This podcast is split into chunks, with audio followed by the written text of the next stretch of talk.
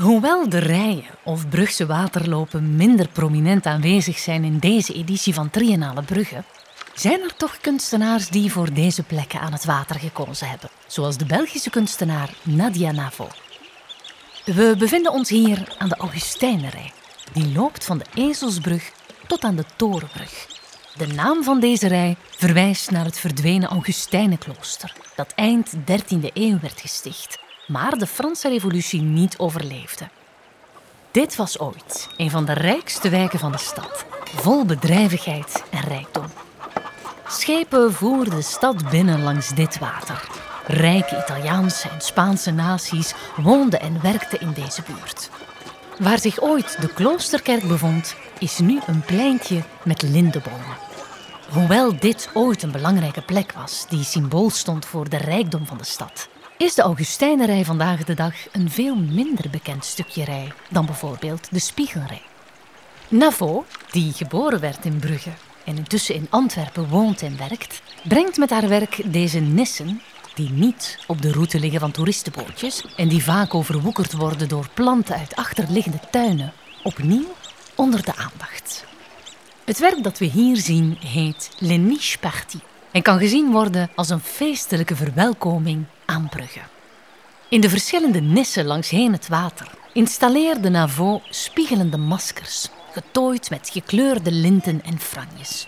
Het is een maskerade die tot de verbeelding spreekt en allerlei associaties oproept. Je zou kunnen zeggen dat haar werk de nissen aan het water een speelse invulling geeft. De spiegelende maskers krijgen in Brugge de functie van een verbeeldend signalement en misschien ook wel van een dromerige verwelkoming. Inspiratie daarvoor putte Navo onder andere uit een reis naar Mexico. Daar werd ze verrast door de kleurrijke stoffen slingers in het midden van de straten. Een uitnodigende vrolijkheid in het midden van het straatbeeld. Ze leverde bij haar een instant vrolijk gevoel op, maar deden haar ook denken aan vlaggen die via effen kleuren, rechte vlakken of figuratieve symbolen als communicatie- of identificatiemiddel dienen.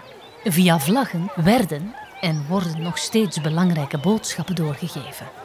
Vlaggen spreken. Ze verwelkomen mensen.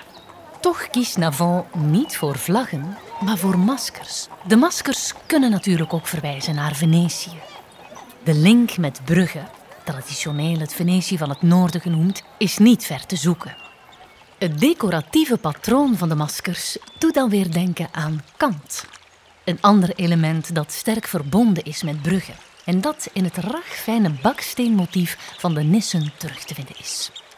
Nadia Navo combineert in haar werk wel vaker de esthetiek van de klassieke oudheid of van de Europese barok met die van cultuuruitingen in Mexico of die van de popcultuur.